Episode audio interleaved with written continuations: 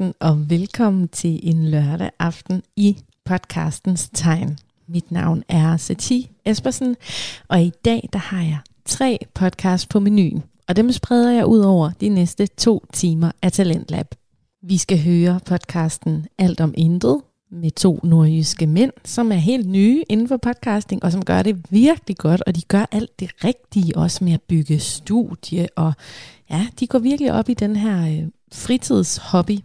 Og så har vi øh, Mette Ås, som har podcasten Fucking Kronisk, som også altså virkelig har et fedt podcast community. Hvis du tjekker hende allerede nu på Instagram, så kan du se, at hun når faktisk rigtig langt ud med den her podcast, som handler om at være ung og fucking kronisk. Og så den første podcast, jeg vil præsentere for dig i dag, det er Ravnens fortællinger. Og derfor så kunne jeg godt tænke mig lige at dykke lidt ned i de her historiefortællende podcast, fordi Ravnens fortællinger, det er faktisk en historiepodcast. Og det er alle mulige forskellige slags øh, lydhistorier, som Alexander Ravndal Højsting han kaster os ud i. Det kan være radionoveller, det kan være fortællinger, lydbøger, og det handler alt sammen om at vække folks fantasi. Og det får han virkelig også gjort med den her historie om teenage-drengen og bedstemor. Så glæd dig til den lige om lidt. Men jeg vil give dig nogle anbefalinger, fordi hvis du kan lide historiefortællende podcast, så kan det være, at du kan lide nogle af de her, jeg har med til dig i dag. Den mest legendariske, og nok også en af Danmarks mest kendte podcast, det er Third Ear Podcast. Third Ear er en dansk podcast, hvor at den faste redaktion består af Christa Molsen og Tim Hinman, og de har været igennem rigtig mange år af podcasting, og de er blevet så dygtige. Deres historie handler egentlig om altså rigtige historier, ting, der er sket i virkeligheden, som de dramatiserer på en god, øh, lydelig måde. Så altså, det kan godt være, at du kan se en god Netflix-film i dit tv eller på din computer, men i virkeligheden så kan du få stort set samme oplevelse ved at lytte til Third Ears historiefortælling. Der er styr på lydkvaliteten, der er styr på værtskabet, de har gode stemmer og gode personligheder, dem der laver podcasten, og så er det altså vaskeægte radio.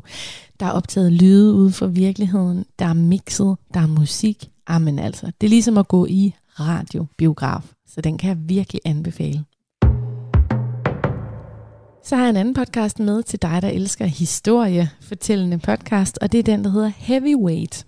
Og Heavyweight, det er simpelthen en af mine favoritpodcasts. Den er kanadisk. Det er Gimlet Media, der laver den, og øh, verden bag er Jonathan. Jonathan Goldstein, som jo, altså, er en af de mest karismatiske podcastværter, hvis jeg selv skulle sige det. Og i virkeligheden så minder han faktisk lidt om Alexander, vi skal lytte til lige om lidt fra Ravnens fortællinger. Men Jonathan Goldstein, han laver simpelthen sådan et show, der er øh, lidt sporløsagtig, altså sporløs i fjernsynet. Det er tit en eller anden form for rigtig historie, der er sket for nogle mennesker, som han dykker ned i med sin 11 mand store redaktion, vel at mærke, og så øh, løser de et mysterie, eller finder en forsvunden ven, eller opklarer noget, der er sket i en svunden barndom. Og det lyder nemlig også godt. Der styr på alle de her komponenter af en monteret lydfortælling. Super god podcast. Til sidst vil jeg anbefale dig en anden podcast, som øh, også er en del af Talentlab her, som jo er et talentprogram, hvor vi prøver at hjælpe nogle af de danske podcast-talenter med at nå endnu længere ud og blive endnu bedre til at podcaste. Og øh, der har vi jo Asger Ville, som laver en lang historie kort, og det er sådan en gennemproduceret historiefortælling. Øh, lidt anderledes end den, vi skal lytte til her, som virker sådan lidt mere fri og intuitiv i måden, Alexander fortæller på. Men Asger, han har nok skrevet det meste ned, og så har han indtalt det på en rigtig god måde. Og der dykker man simpelthen ned i alt muligt inden for verdenshistorien, fordi han er uddannet historiker og arbejder som gymnasielærer. Så det var lige et par øh, podcast-anbefalinger til dig, der finder Ravnens fortællinger interessant. Måske så kan du også lide dem her, så jeg håber, du har hoppet ind på din mobil og lige trykket abonner. Og oh, det vælter rundt med knapper her i studiet. Nu vil jeg øh, præsentere Ravnens fortællinger med teenage-drengen og bedstemor hedder den her episode. Og så på den anden side, der skal vi lytte til fucking kronisk og podcasten Alt om Intet. Velkommen til.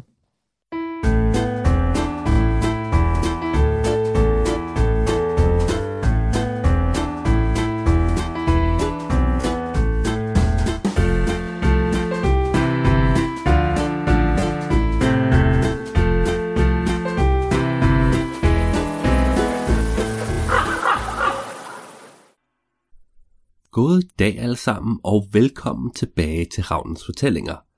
I dag vil jeg fortælle jer en, skal vi sige, semi-improviseret historie. Den handler endnu en gang om teenage-drengen. Så derfor så håber jeg, at I nu vil lytte med. Måske gå en tur udenfor, sætte jer til rette et eller andet sted. Og mest af alt bare hygge jer med den historie, jeg nu skal til at fortælle jer. Så lad os gå i gang. Teenage-drengen og hans bedste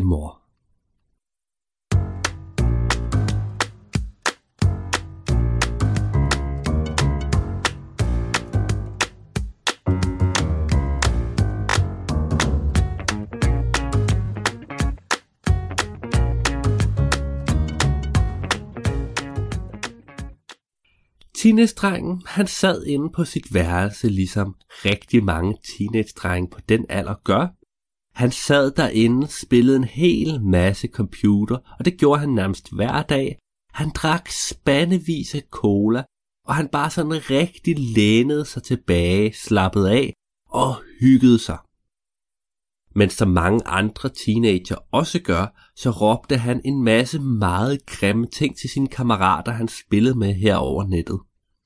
Det var i virkeligheden ikke særlig pænt at høre på. Om man skulle tro, der blev sat en stopper for det, men det gjorde der ikke. Hans far var sådan set lidt ligeglad det meste af tiden, bortset fra selvfølgelig, når de skulle have folk på besøg. Og det skulle de den her dag. Teenage-drengen, han sad derinde, som han plejede, spillede en hel masse computer, råbte alle mulige ting. Og så var der nogen, der bankede på døren. Dok, dok, dok. Er jeg ikke tidlig nu? Jeg er lige i gang med at tæve de andre i Fortnite. Dok, dok, dok. Nej, ikke nu. Så åbnede faren døren, og så gik han ind. Sønneke, nu er det altså tid til, at du skal gøre dig klar. Nej, jeg, jeg vil ikke. Jeg, jeg har slet ikke travlt. Prøv at se, jeg er lige i gang med den her kamp. Den er kun fem timer mere. Så du kan prøve at høre. Din bedstemor er på vej. Hvad? Bedstemor? Og teenage-drengen, han, han første gang, så vristede han blikket frit fra sin computerskærm og kiggede op på sin far. Bedstemor? Åh oh, nej. Hvorfor siger han åh oh, nej, når det var bedstemoren? Jamen det gjorde han, fordi han var simpelthen så hunderad for sin egen bedstemor. Han synes, hun var utrolig uhyggelig. Altså, hvordan kan en ældre dame være utrolig uhyggelig? Jo, det skal I høre om lidt. Og jeg vil egentlig fortælle jer det nu, men det der skete i stedet, det var, at, at fordi teenage-drengen havde kigget op på sin far og ikke holdt øje med skærmen, så fik han totalt tæv i det spil, han var i gang med, og røg ud som det første. Ah, far, prøv lige at se, hvad du har gjort. Prøv lige at se. Ja, ja, så det det er godt. Så går vi hen og slukker. Nej, lad være med at slukke. Bip. Boom. Blev teenage-drengen meget, meget sur. Rejste sig op, gik demonstrativt forbi faren uden at sige noget og gjorde sig klar. Og så lidt senere, så stod de begge to inde i stuen, både far og søn. Faren han havde fundet en hel masse kage og te frem og stillet frem på bordet, og teenage han stod lidt og bed negle. Og hvorfor var det, at han var bange for bedstemoren? Altså, jeg har en bedstemor, jeg er ikke bange for hende. Jo, nu skal I forstå, bedstemoren, hun lignede en vaskeægte heks. Ja, det gjorde hun. Altså, tro det eller lad være, hun havde sådan en lang, krum næse med en vorte på. Hun var meget rynket. Der var så mange rynker, at hvis man foldede, altså hvis man kunne folde huden ud, så ville hendes ansigt nok fylde 600 kvadratmeter. Altså det var rimelig vildt, men det var ikke det værste. Det værste var, at hun altid gik med sådan en sort sjal over kroppen, krumrykket hen og så ville hun sådan grine lidt, når folk ikke kiggede.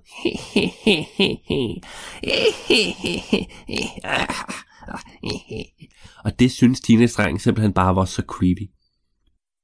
Så han stod der og var super nervøs, fordi hvordan ville bedstemor nu reagere? Og så bankede det på døren. Dik, dik, dik. Det var meget forsigtige slag på døren. Dik, dik, dik. Og faren han gik hen og åbnede, og der stod der den ældre dame, der var farens mor og teenage-drengens bedstemor. Åh, er det ikke min lille søn, ikke? Kom her. Og så tog hun fat i, øh, i farens kinder og hævde ham ned og gav ham et kys på siden, og han blev helt, sådan helt forlegen, forlegen over det. Ej mor, ikke, ikke, ikke nu. Jeg er en voksen mand, ved du. Ja, ja, ja. Hvor, hvor er mit lille fyr? Hun havde sådan nogle kæmpe store briller på. Hun så ikke så godt mere. Og så kiggede hun omkring. Hvor er det? Og der, der er du. Og så kiggede hun sådan med overraskende hastige trin for sådan en gammel dame hen mod teenage Kom her og giv dit bedstemor et kæmpe kys. Nej, nej, nej, nej, nej. Ad. Og så holdt hun fast sådan i ansigtet på ham, og altså, han, han prøvede at friste sig fri, men det kunne han ikke. Hun var simpelthen så stærk. Kom her. Mm. Mm. Ad, ad. Ja, ja, ja. Også her. Ad, ad, ad, ad, ad. Og så efter alt, alt for mange kys, så blev Tines sluppet fri. Og så var han sådan, øh, jeg har savl i ansigtet. Og så gik han ud og tørrede det der kyssavl af. Sådan, øh, øh, øh, øh. Bedstemoren, hun satte sig ned i stolen. Der var, altså hjemme hos Tines dreng og hans far, der er der to lænestole, og så er der en rød sofa. Lænestolene, der er en stor grøn, og så er der en stor blå. Og bedstemoren, hun satte sig i den kæmpe store blå stol. Det var den, der normalt blev brugt af faren men hun satte sig der, og altså, hun kunne overhovedet ikke fylde den ud. Hun sad bare der, Nå, hvornår er der kage? Og faren han kom ind, jamen der, åh, der er kage nu. Han blev sådan lidt bedrøvet, da han så, at hun havde taget hans stol, men altså, han kunne jo ikke jage sin mor væk. Så fandt han tallerkenerne frem, skar kagen ud i altså forskellige dele, gav et stykke til bedstemoren, gav et stykke til sig selv, og gav et stykke til teenage-drengen, da han kom tilbage fra badeværelset. Og så satte teenage sig ned, og han begyndte stille og roligt at spise det her stykke kage, håbede på, at bedstemoren ikke ville sige noget. Men altså, vi ved jo alle sammen godt, at en bedstemor, hun kan ikke dyse, så hun var sådan, Nå, hvordan går det, mit lille puslæk? Hvordan går det? Hvordan går det i skolen? Hvordan går det? Har du fået et kæreste endnu? Hvordan går det med det? Og teenage var sådan, bedstemor, det har jeg ikke. Og det går rigtig fint i skolen, okay? Hm. Og faren, han kiggede på Tina-strengen. Prøv at høre, sådan skal du ikke tale til din bedstemor. Svar pænt. Bedstemoren var sådan, det er okay, det er okay. Ej, det er det ikke. Tal pænt til mig. Tina-strengen, han begyndte sådan lidt at ryste med hånden. Han havde en kop te i hånden, og havde sådan med underskålen, det rystede lidt. Han rystede, fordi altså, han var jo bange for, at hvis han gjorde hans bedstemor alt for sur, så kunne det være, at hun forvandlede ham til et eller andet modbydeligt, for han var overbevist om, at hun var en heks. Sådan, så, okay, jeg skal virkelig tænke mig om nu. Hvad, hvad, hvad, hvad, hvad skal jeg sige? Hvad skal jeg sige? Jo, øh, bedstemor? Ja, det, det går ret godt, og nej, jeg har ikke fået en kæreste endnu. Men hvordan går det med dig? Nå, ja, det går rigtig godt med mig, det gør det. Jeg har plantet en hel masse planter ude i haven, og så fandt jeg en død rotte. Og teenage han kiggede sådan på hende, og så lidt op på sin far, og faren kiggede også på teenage og de udvekslede blikke og kiggede tilbage på bedstemoren. Og hun gjorde det her nogle gange, hun bare sådan holdt en pause midt i talen, hvor hun ikke engang lukkede munden. Hun holdt bare sådan en lang, virkelig lang tænkepause med åben mund, og der begyndte sådan at dryppe lidt af savl ud af. Ah, ah. Og så samlede jeg den op og lagde den under mine roser, så de kunne få en masse næring. Ja, yeah, ja. Yeah. Kære lytter, du er på Radio 4, og programmet her hedder Talentlab, men lige nu befinder du dig midt i en sjov historie, fortalt af Alexander Ravndal. Nå, hvor var kagen? Og så spiste hun videre af kagen, og Tines dreng, han begyndte sådan helt at ryste. Faren spurgte, hvad der galt, Sønneke? Er du syg? Nej, nej, nej. Jeg, jeg tror bare lige, jeg har lige brug for at gå en tur på toilettet. Og så rejste teenage-drengen sig op, og så gik han afsted. Og han gik forbi toiletdøren. Og så gik han hen imod hoveddøren, mens han fløjtede stille og roligt. Og så gik han hen, skulle lige til at tage håndtaget. Hvor skal du hen, mit barnebarn? Kom hen til mig! Og så skyndte teenage og så tage fat i håndtaget og åbne det. Åbnede døren.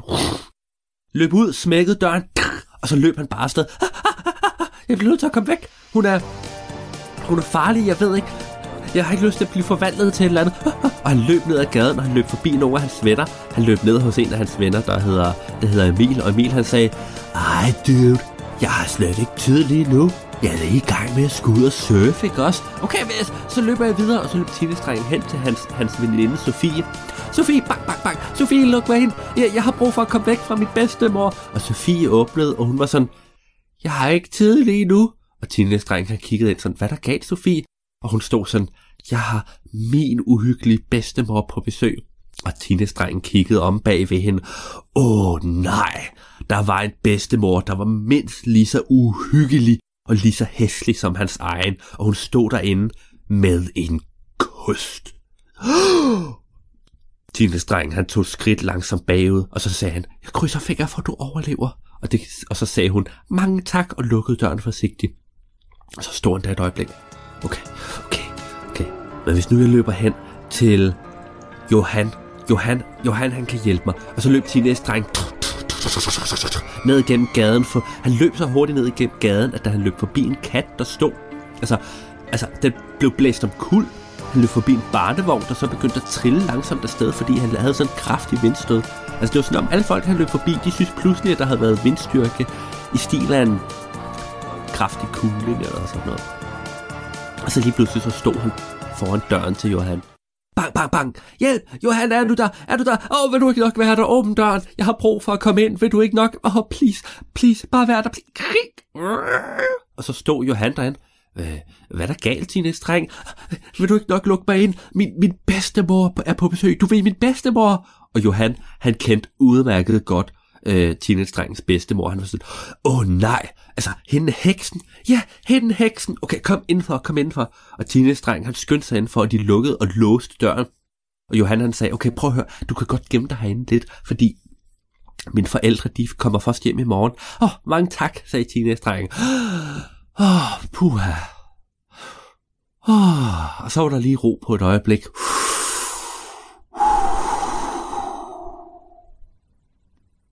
Ej, hvor var det godt.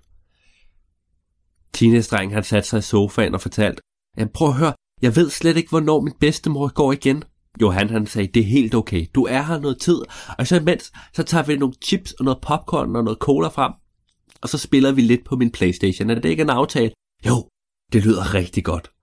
Og så blev der lavet popcorn, chipsene blev hældt op i en stor skål, og der blev taget cirka 5 liter cola ind, hvilket er sådan lidt mærkeligt tal. Det var 2 2 liter og så 1 1 liter. Og så en masse glas. Og det blev stillet frem for bordet, og de begyndte at sidde og spille på Playstation. Åh, oh, mand, Tines dreng var bare så glad for, at han var kommet hjem til Johan og kunne sidde og spille computer eller spille Playstation. I, I stedet for at skulle være hos hans uhyggelige bedstemor, der måske ville stille alle mulige pinlige spørgsmål, udover at være super creepy. Det var dejligt. Og de sad der i en halv time og spillede Playstation. Og så lige pludselig, til deres skræk og redsel, så er der nogen, der bankede på døren.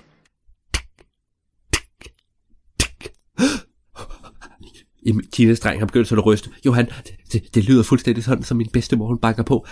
Du bliver nødt til at gemme mig. Johan han kigger sig omkring. Øh, øh, du kan...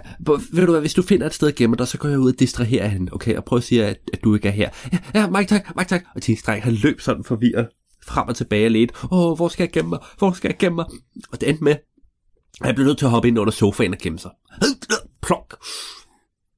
Og Johan han gik ud stille og roligt sagde det på døren. Okay. Og så åbnede han den. Ja. Og derude, der stod teenage-drengens bedstemor. Hej, hej, jeg vil bare, jeg vil bare høre om, jeg vil bare høre, mit barnebarn er her. Er mit barnebarn her?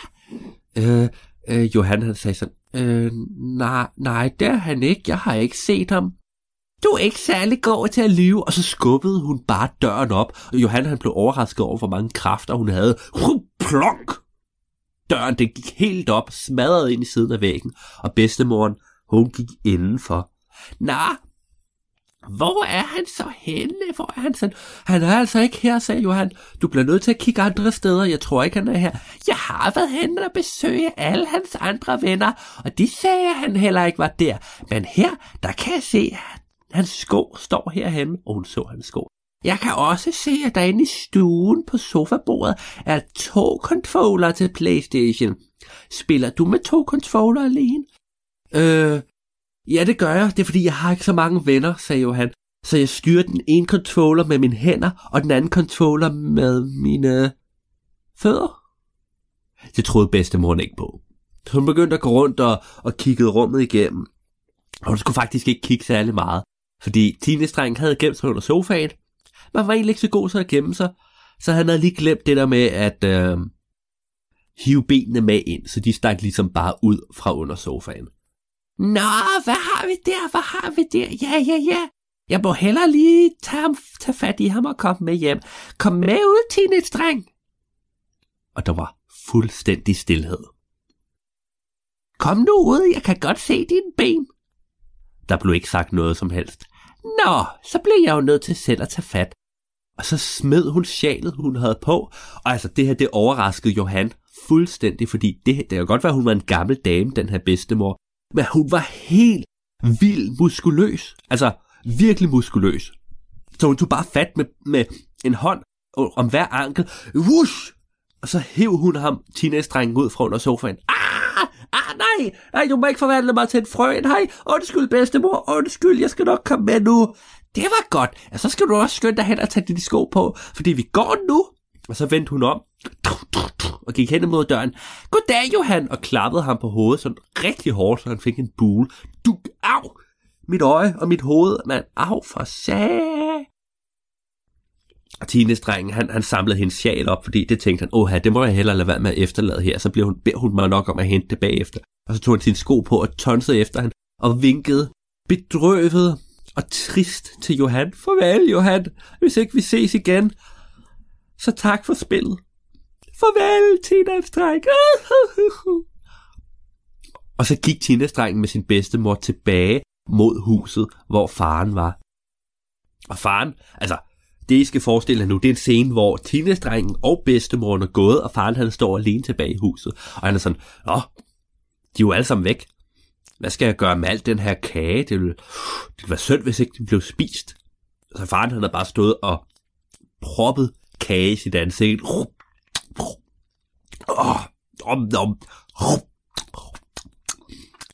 Og så blev der banket på døren.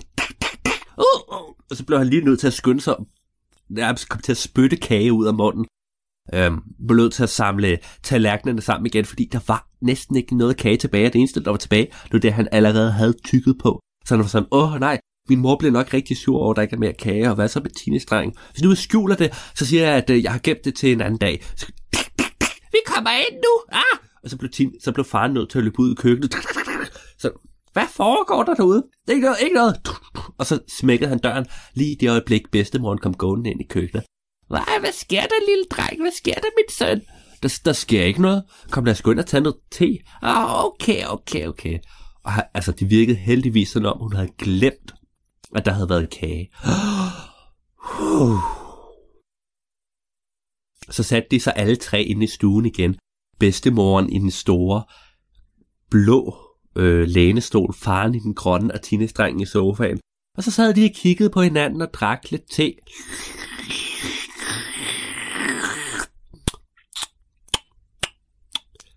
Der var ellers fuldstændig stillhed, men bedstemorens slubren kunne virkelig høres over det hele.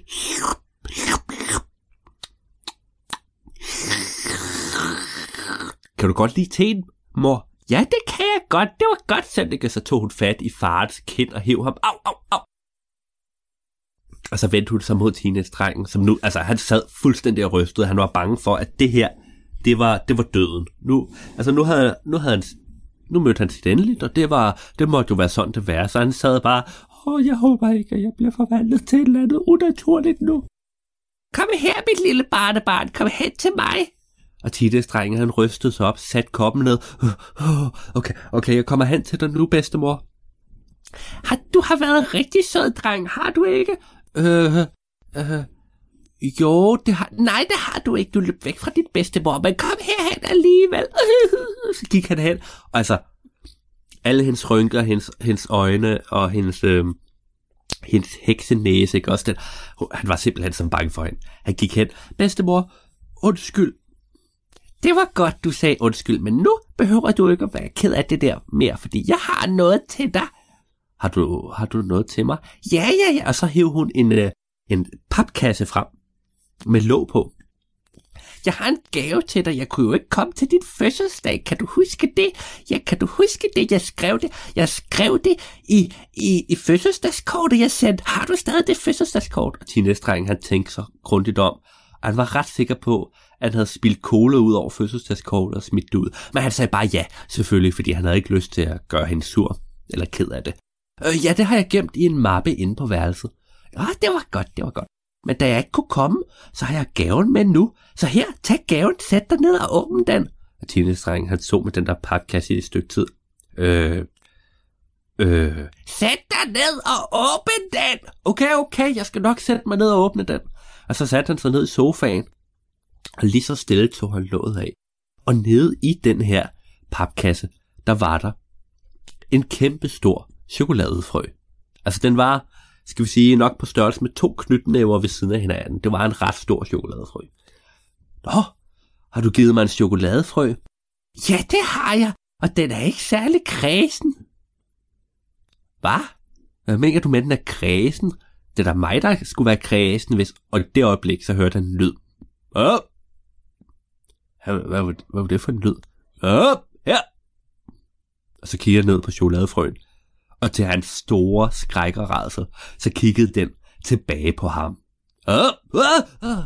Tinas dreng, han tabte chokoladefrøen og kassen ned på jorden. Hvad, hvad sker der? Den taler til mig. Bedste mor, hvad foregår der? Ja, det er fordi, det er levende chokoladefrø. Hvis du passer godt på den, så bliver den kæmpe stor. Du skal bare huske at fodre den cirka hver, hvert minut i hele døgnet, for ellers bliver den meget sulten og spiser ting, den ikke må. Det, det forstår jeg slet ikke. Og så samler han kassen op igen. Kan, kan du tale? Ja, selvfølgelig kan jeg tale, sagde den her chokoladefrø. Hey, altså, hvad synes du, dude, synes du? Jeg ligner en eller anden, der ikke kan tale, mand. Hey, jeg er sulten. Hey, ræk mig lige noget mad. Hey, hey. Og Tinas dreng var bare sådan, øh, bedstemor, hvad, hvad skal jeg fodre den? Du skal fodre den? Jamen lige det, du har lyst til. øh, og så tog han en nød, fordi de havde sådan en skål med nødder og nødeknæk ved siden af, tog han en nød og sådan langsomt tog den ned til den her frø, og, da, og frøen, den åbnede munden vidt og bredt mere voldsomt, end teenage overhovedet havde forestillet sig, at den kunne. Og så slugte den hele hånden med nød, altså, og, og begyndte sådan at spise op af teenage arm. Ah, nej, slip, au, ah, væk med dig, væk med dig. Han kastede sådan frem og tilbage med sin arm. Nej, lad være med at kaste, det er bare et sød frø. Ah, bedstemor, den æder mig. Ah, og faren han var sådan, ja, jeg går ud i køkkenet og laver noget mere te. Det her det er simpelthen for mærkeligt. Bedstemor hjælper. Okay. Og så rejste hun sig op, og hun var stadig helt vildt muskuløs. Så hun skubbede bare sådan til... Hun rejste sig op med sådan kraft, at stolen den bare fløj tilbage. Plok! plonk gik hun hen og tog fat i benene på den her chokoladefrø. Slap med frø, slap med frø, så hæv hun den og, og det lød sådan, at den kastede op imens, men det den kastede op, det var jo Tinas drengens arm. Ah, ah, ah. Og først så troede han, der var savl over det hele, men det var egentlig bare lidt smeltet chokolade. Ah, ah. bedstemor, jeg... Øh, tak for gaven. Det var så let. Det var så let. Den skal være inde på dit værelse nu. Ja, det skal.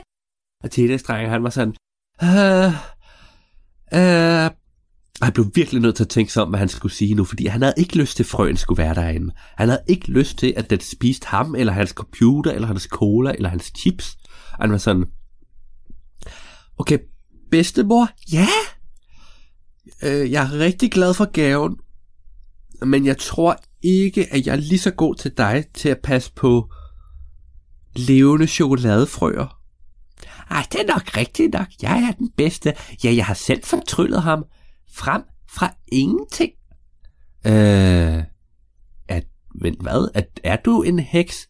Ja, selvfølgelig er jeg en heks. Ja, ja. Du lytter til Radio 4, og vi er dybt inde i Alexander Ravndals fortælling i podcasten Ravnens Fortællinger. Okay, men bedstemor, jeg tror ikke, jeg er lige så god til dig, som til dig til at passe på den. Så derfor så tænker jeg, hvis nu den er hos dig til daglig, så kan jeg fodre den, når jeg kommer forbi, og det vil jeg gøre rigtig tit. Og altså, mens han sagde, at han ville gøre det rigtig tit, så krydser han fingre bag på øh, kroppen. Altså, armene om bag kroppen og krydsede fingre, fordi han mente det ikke. Han havde ikke lyst til at komme forbi til den. Så fodrer jeg den rigtig tit, når jeg kommer forbi, øh, og så er jeg sikker på, at den lever i rigtig mange år. Bedstemor, kunne vi lave den aftale? Og han prøvede at bruge sin aller sødeste lille drengestelle. Kunne vi lave den aftale, bedstemor? Øh. Og bedstemor, hun stod og tænkte sig om. Hun tænkte sig om så lang tid, at de rynker, hun havde i panden, der blev faktisk flere af dem. Altså man kunne se, at der i real time kom flere rynker, så kraftigt tænkte hun over det. Okay, det kan vi godt, det kan vi godt. Og så samlede hun frøen ned i kassen igen. Ned med dig. Øh, hvad sker der? Skal jeg nu lukkes ind igen? Øh, altså. Så gik hun med kassen stille og roligt afsted, gik ud i køkkenet og sagde, Nå, jeg går nu, vi ses, Sønneke. Jamen, skulle du ikke have mere te? Nej, nej, nej, nej, jeg skal hjem nu, jeg skal hjem og passe på den her chokoladefrø, ikke også? Hej, hej, hej, hej, farvel, farvel. Kling, klok, og så blev døren, hoveddøren lukket. Og teenage-drengen, han trak vejret dybt og kunne ånden lettet op. Okay, okay. Far? Ja? Jeg går altså lige ind på værelset og slapper lidt af. Er det okay? Ja, ja, det er okay. Ind med dig. Så rydder jeg lige op her. Mens teenage-drengen gik ind på værelset, kunne kun høre, at hans far havde fundet noget andet kage og stod og begyndte at spise. Inde på værelset, der satte teenage-drengen sig tilbage, hvor han plejede i sin store, flotte kontorstol. Satte sig ned, sådan en rigtig gamerstol. Ah, her kan jeg sidde godt. Tæt sin computer, tog sit headset på. Sådan, nu skal jeg bare ind i spillet. Begyndte at drikke en lille smule cola. Og så der, der åbnede døren hen til værelset, og faren stod der. Far, far, hvad er der nu? Jeg skulle sidde og slappe af. Jamen, prøv at høre her, Søddikker. Jeg har lige en frisk cola til dig, en kop te, og så var der også lige noget, som øh, dit bedstemor efterlod. Det var et øh, pakke chokolade, hun havde taget med til at spise, ikke også? Nå, jamen øh, okay, mange tak. Og så lagde han øh, farens chokoladen inde på, inde på kontormøblet, inde hos øh, Tinas dreng. Lukkede døren og gik ud igen. Nå, sagde Tinas dreng, så må jeg hellere åbne her. Og han åbnede pakken, og det lignede, at det var sådan Anton Berg eller et eller andet. Og han fik så et chok, for da han åbnede denne kasse, så så han ned i, at der var 20 helt almindelige små mint chokoladefrøer. Eller, ja, var de nu også helt almindelige?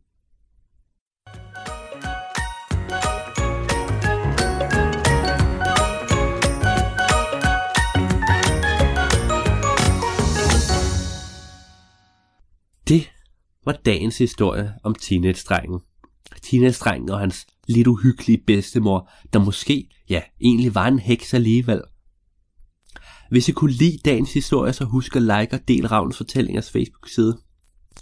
Jeg vil også sige, at hvis I gerne vil støtte op om Ravns Fortællinger, så hjælper det utrolig meget, hvis I giver nogle donationer for hver episode, jeg uploader inde på tier.dk.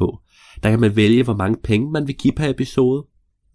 Og så hver gang der kommer en ny episode ind, så bliver der overført det beløb. Det vil sige, at man betaler ikke per måned.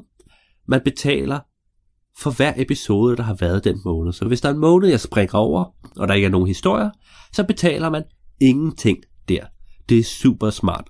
Og hvis jeg har lyst til at støtte, så siger jeg tusind tak til jer.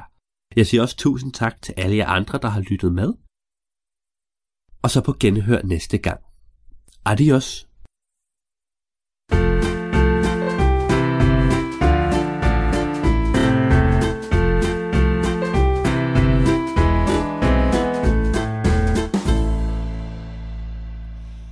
Du lytter til programmet Talentlab, som præsenterer Danske Fritidspodcast. Og vi har lige lyttet til podcast nummer et her den her lørdag aften, og det er podcasten Ravnens Fortællinger. Og det er Alexander Ravndal, der har den podcast, og som du kan høre, så er han jo et stort talent i forhold til at fortælle historier. Jeg har faktisk ikke fået spurgt ham endnu, men det skal jeg inden længe. Jeg skal have spurgt, er det her noget, du finder på undervejs, eller har du ligesom skrevet nogle noter, som du kan fortælle ud fra? Fordi det virker bare så flydende, og som om det kommer mega nemt til ham med alle de her forskellige detaljer, der sker i podcasten. Jeg synes virkelig, det er en af de strålende stjerner på podcast himlen, fordi den også er så speciel og så anderledes, og der findes ikke ret mange formater, der minder om det her. Så øh, hvis du har mod på det, og du synes, det er godt indhold, jamen så kan du gå ind og følge Alexander Ravndals podcast, Ravnens Fortællinger, og det kan du alle de steder, hvor du lytter til podcast. Nu skal vi til noget helt andet og noget meget modigt, og det er faktisk podcasten Fucking Kronisk. Mette Ås Jacobsen, hun har lavet en podcast, som er et slags fællesskab for unge med kroniske sygdomme, og hun giver masser af sig selv, og hendes gæster giver rigtig meget af dem selv. Og øh, lige præcis den her samtale er meget speciel, og ideen er bare så god. Mette, hun har simpelthen inviteret et søskende par i studiet, Johanna og Astrid, som er vokset op med kronisk sygdom i familien. Kun en af søskende var kronisk syg i barndommen, og det handlede rigtig meget af familiens liv og hverdag jo om, og det er jo klart, det giver noget jalousi hos den anden, men så sker der lige pludselig det, at den anden søster også får en kronisk sygdom. Og det er jo en fantastisk historie. Det er så godt set af podcastverdenen med Aarhus Jacobsen, at ligesom give noget taletid til det her. Og hun siger det også selv i introen. Hun får ikke selv sagt så meget, men det er fordi de her øh, søstre, de fortæller så godt, og det ligesom bare øh, flyder for dem. Altså måske har der endda været et lille overtryk inde i dem, og nu har de fået en ventil til ligesom at fortælle deres historie om sygdom og søskende relation. Så jeg håber, at I, I hænger i derude og lytter med her på Radio 4 til Talentlab, hvor jeg nu vil præsentere podcasten Fucking Kronisk. Du lytter til Fucking Kronisk. Ung, forvirret og syg med Mette Ås.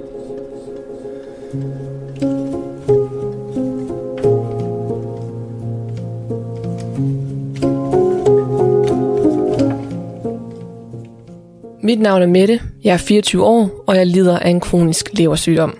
I denne podcast serie inviterer jeg andre kronisk syge unge ind for at fortælle deres historie om at være ung og fucking kronisk. I denne episode har jeg besøg af to gæster, og det var mikrofonen altså ikke så glad for. Så derfor så er lyden ikke så god, som den plejer, men det håber jeg, I kan leve med. Jeg har besøg af et søskende par, som består af Johanna, som er lillesøster, og storesøster Astrid.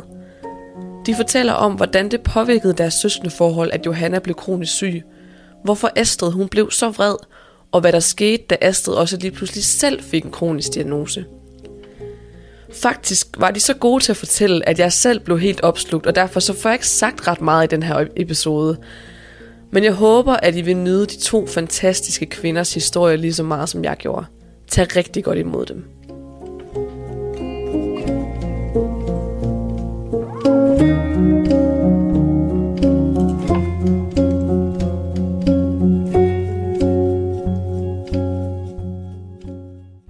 Men jeg vil mega gerne sige velkommen til dagens gæster, og jeg har to gæster med i dag første gang, og det er Johanna og Astrid. Og tak fordi I var mine gæster i dag. Tak fordi I vil komme. Ja, I komme. I er jo øh, søstre, og I har jo øh, en lidt øh, speciel historie, fordi I er begge to kronisk syge, og øh, Johanna, du blev tidlig kronisk syg, og Astrid, det, det kom lidt senere.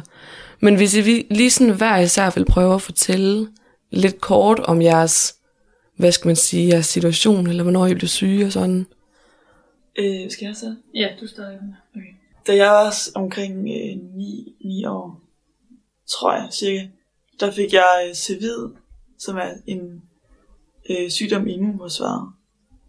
Øh, så tilstødende til det fået sådan en tarmsygdom, sådan en kronisk lignende tarmsygdom, har de kaldt det. Ja, så har jeg PCOS en sygdom i under, eller en tilstand i underlivet.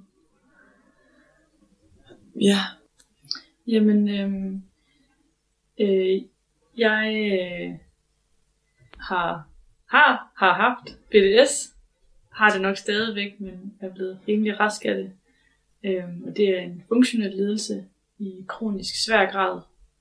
Øh, BDS, det står for Bodily Distress Syndrome, og oversat til dansk, så er det en form for kronisk kropslig stress, men ikke stress, som man kender det øh, i hverdagen kommer i højere grad til udtryk. Primært i fysiske symptomer, som man ikke kan finde en organisk årsag til. Så jeg har fået lavet rigtig mange undersøgelser, men at der er ikke nogen, der viser, at jeg egentlig fejler noget. Hvis man sådan kan sige det. Det går overtræk. Men øh, det vi skal snakke lidt om i dag, det er jo i forhold til det der med at være søskende. Øh, både til en, der er kronisk syg, hvor man selv ikke er det, men også at, at I jo så egentlig endte op med begge to at være kronisk syge, og så hvordan det har påvirket jeres søskende forhold. Kan I prøve at fortælle lidt om, hvordan, hvordan var jeres søskende forhold, inden at, øh, at Johanna du blev syg? det var meget, altså meget sådan normalt. Det, det, var, det var godt.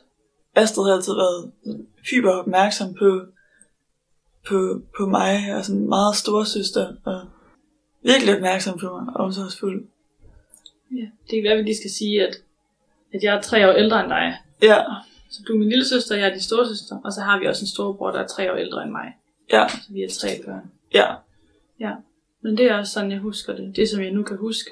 For jeg har været en, en 12-13 år, ikke, da du blev syg. Så det, jeg kan huske fra før, det var, at det var et meget normalt søsterforhold. Vi legede meget sammen, fordi vi var piger. Vi legede mere sammen, end vi legede med, med vores storebror. Øh, ja, jeg husker også, at jeg var meget opmærksom på dig. Og var meget stor søsteragtig. Meget tidligt. mm. Ja.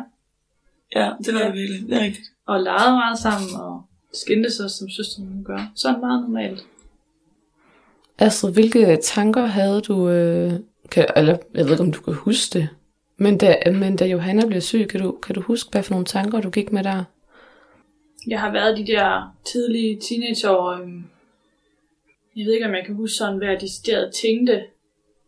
Men jeg kan huske, at jeg begyndte at blive mere bange for, at, der, for at du skulle blive syg. Jeg var meget bange for at smitte dig. Og det, jeg husker tydeligst, det var, da du begyndte at få behandling, hvor at du fik, øhm, hvad kan man sige, andres immunforsvar ind gennem sådan medicin på, men det skulle du have, var det hver uge eller hver anden uge? Jeg tror to gange om ugen. To gange om ugen. Ja. Og det gjorde enormt ondt på dig, som jeg husker det. Og man kunne ligesom mærke det i hele huset. Et, altså allerede dagene op til, at du skulle have behandling. Og mor og far havde købt nogle film til det, og hele huset var ligesom på den anden ende. Og jeg prøvede at gøre noget, der, der gjorde, at du havde mindre ondt, og synes, det var mindre ubehageligt. Mm. Så jeg, jeg, jeg husker ikke ret meget sådan, hvad jeg tænkte om det. Jeg tror ikke, jeg gjorde mig ret mange tanker. Jeg vidste ikke helt, hvad det var. Men jeg vidste, vi skulle passe godt på dig. Og passe på, at vi ikke kom til at gøre dig syg, og man skulle huske at nyse i ærmet, og må ikke komme for tæt på dig, hvis jeg var syg. Og... Men det, jeg husker tydeligst, det er den der stemning, op til, at du skulle have behandling. og så husker jeg også, at det var faktisk ikke var ret, det var ikke noget, vi sådan øh, talte ret meget om. Jeg husker, jeg ikke måtte sige det til mine veninder. Mm.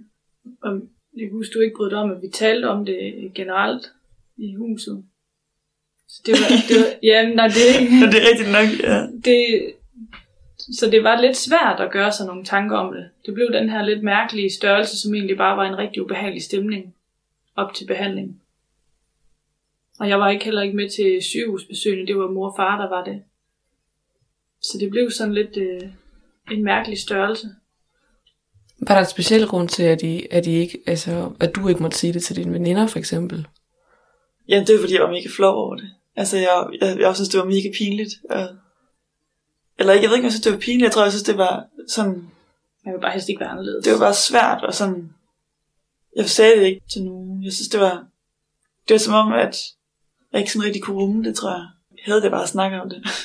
Ja. Mm.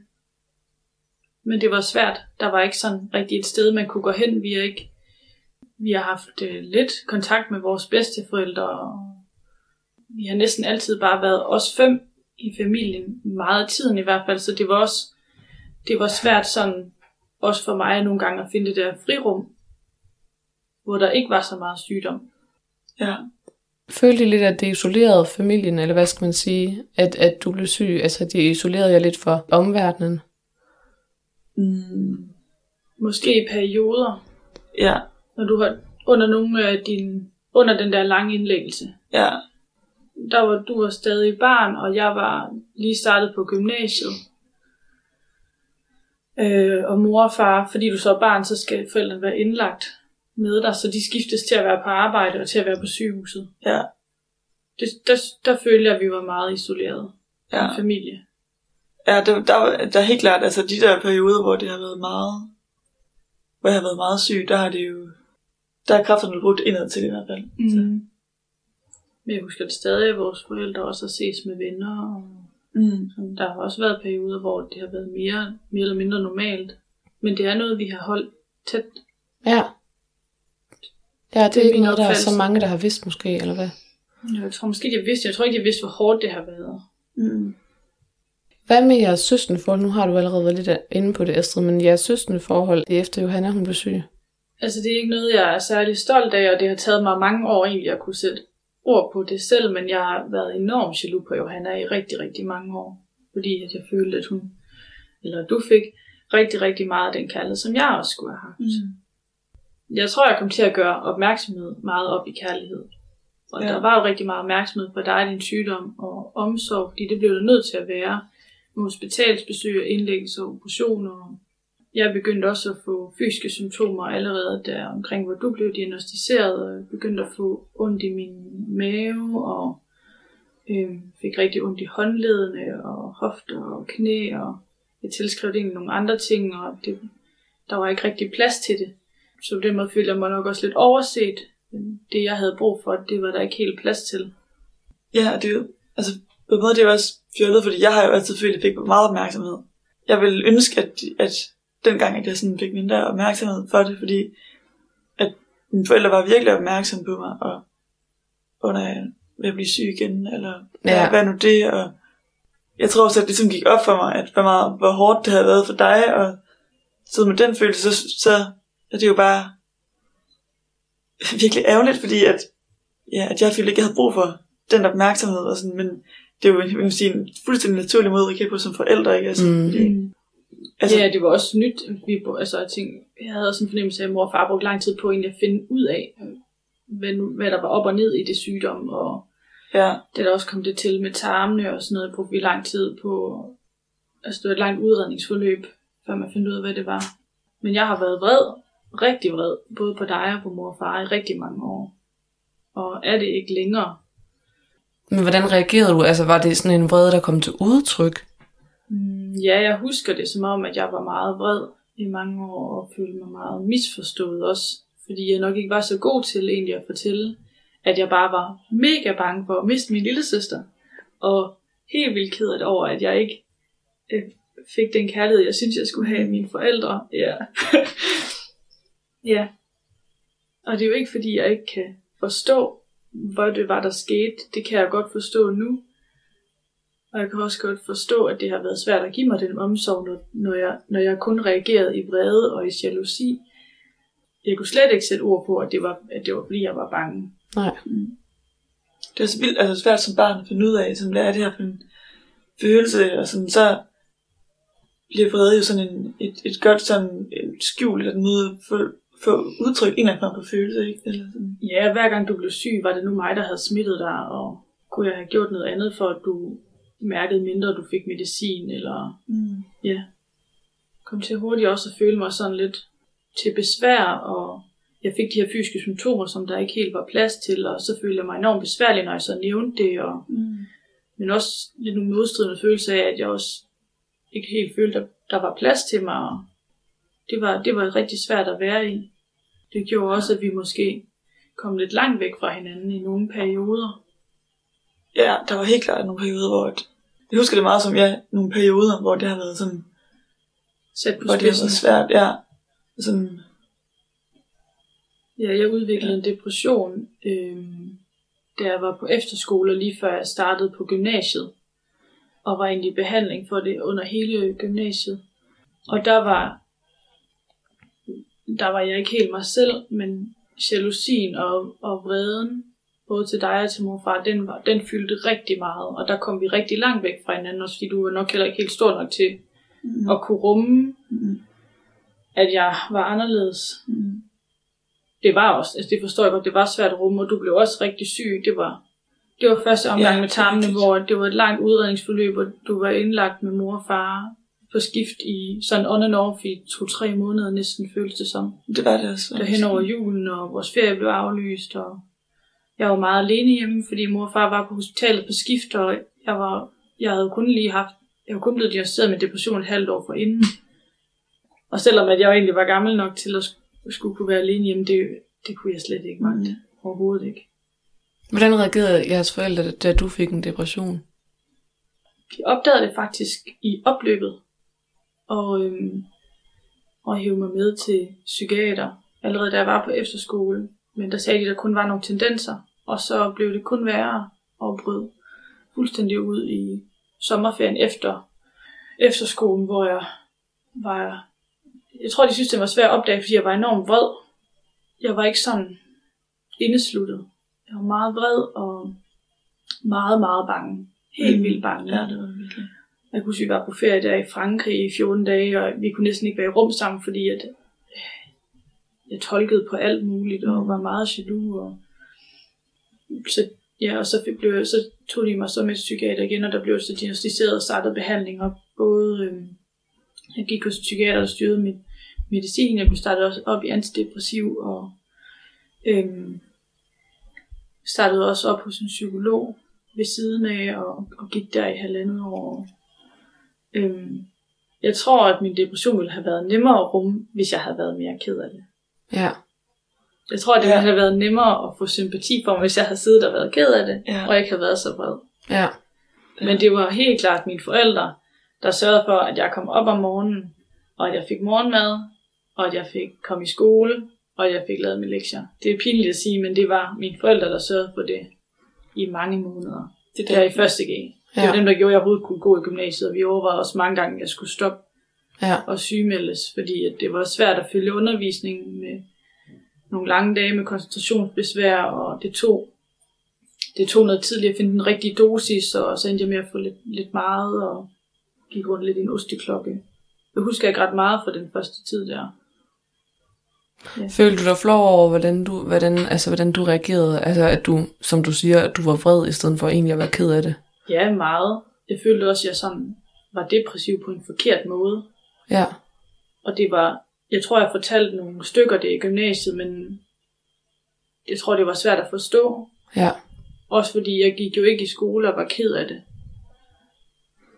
Altså, så holdt jeg enormt meget ud, og så hvis jeg fik skidt i løbet af dagen, og tankerne tog over, så tog jeg hjem. Så forsvandt jeg jo bare. Og...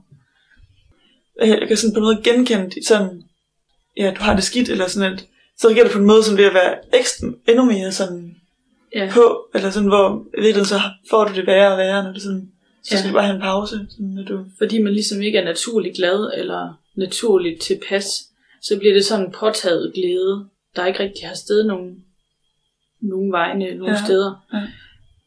Det blev ligesom sådan lidt sådan turbulent, sådan op og ned. Ja. Men, det, men det, det er sjovt, du siger det, for det er jo også det, jeg kender mega Mm. meget. Det der med, at man virkelig prøver sådan at holde ud, ikke at vise, hvordan man har det. det Mm. Jeg fik jo også en depression, efter jeg blev transplanteret. Mm. Og, øh, og så det der med ikke at vise, hvordan man har det, og så bare holde ud. Og så kan det egentlig være svært for ens omgangskreds at forstå, at man egentlig har det mega skidt. Men den tid var jo også forbundet med enormt meget skam for mig. Også når Ja. ja. jeg tænker tilbage på det. Både den måde, jeg har reageret på og over for jer. Og, og ja, den måde, jeg har været depressiv på, hvis man kan sige det sådan. Vi hopper lige ud af samtalen mellem Mette, Johanna og Astrid i podcasten Fucking Kronisk.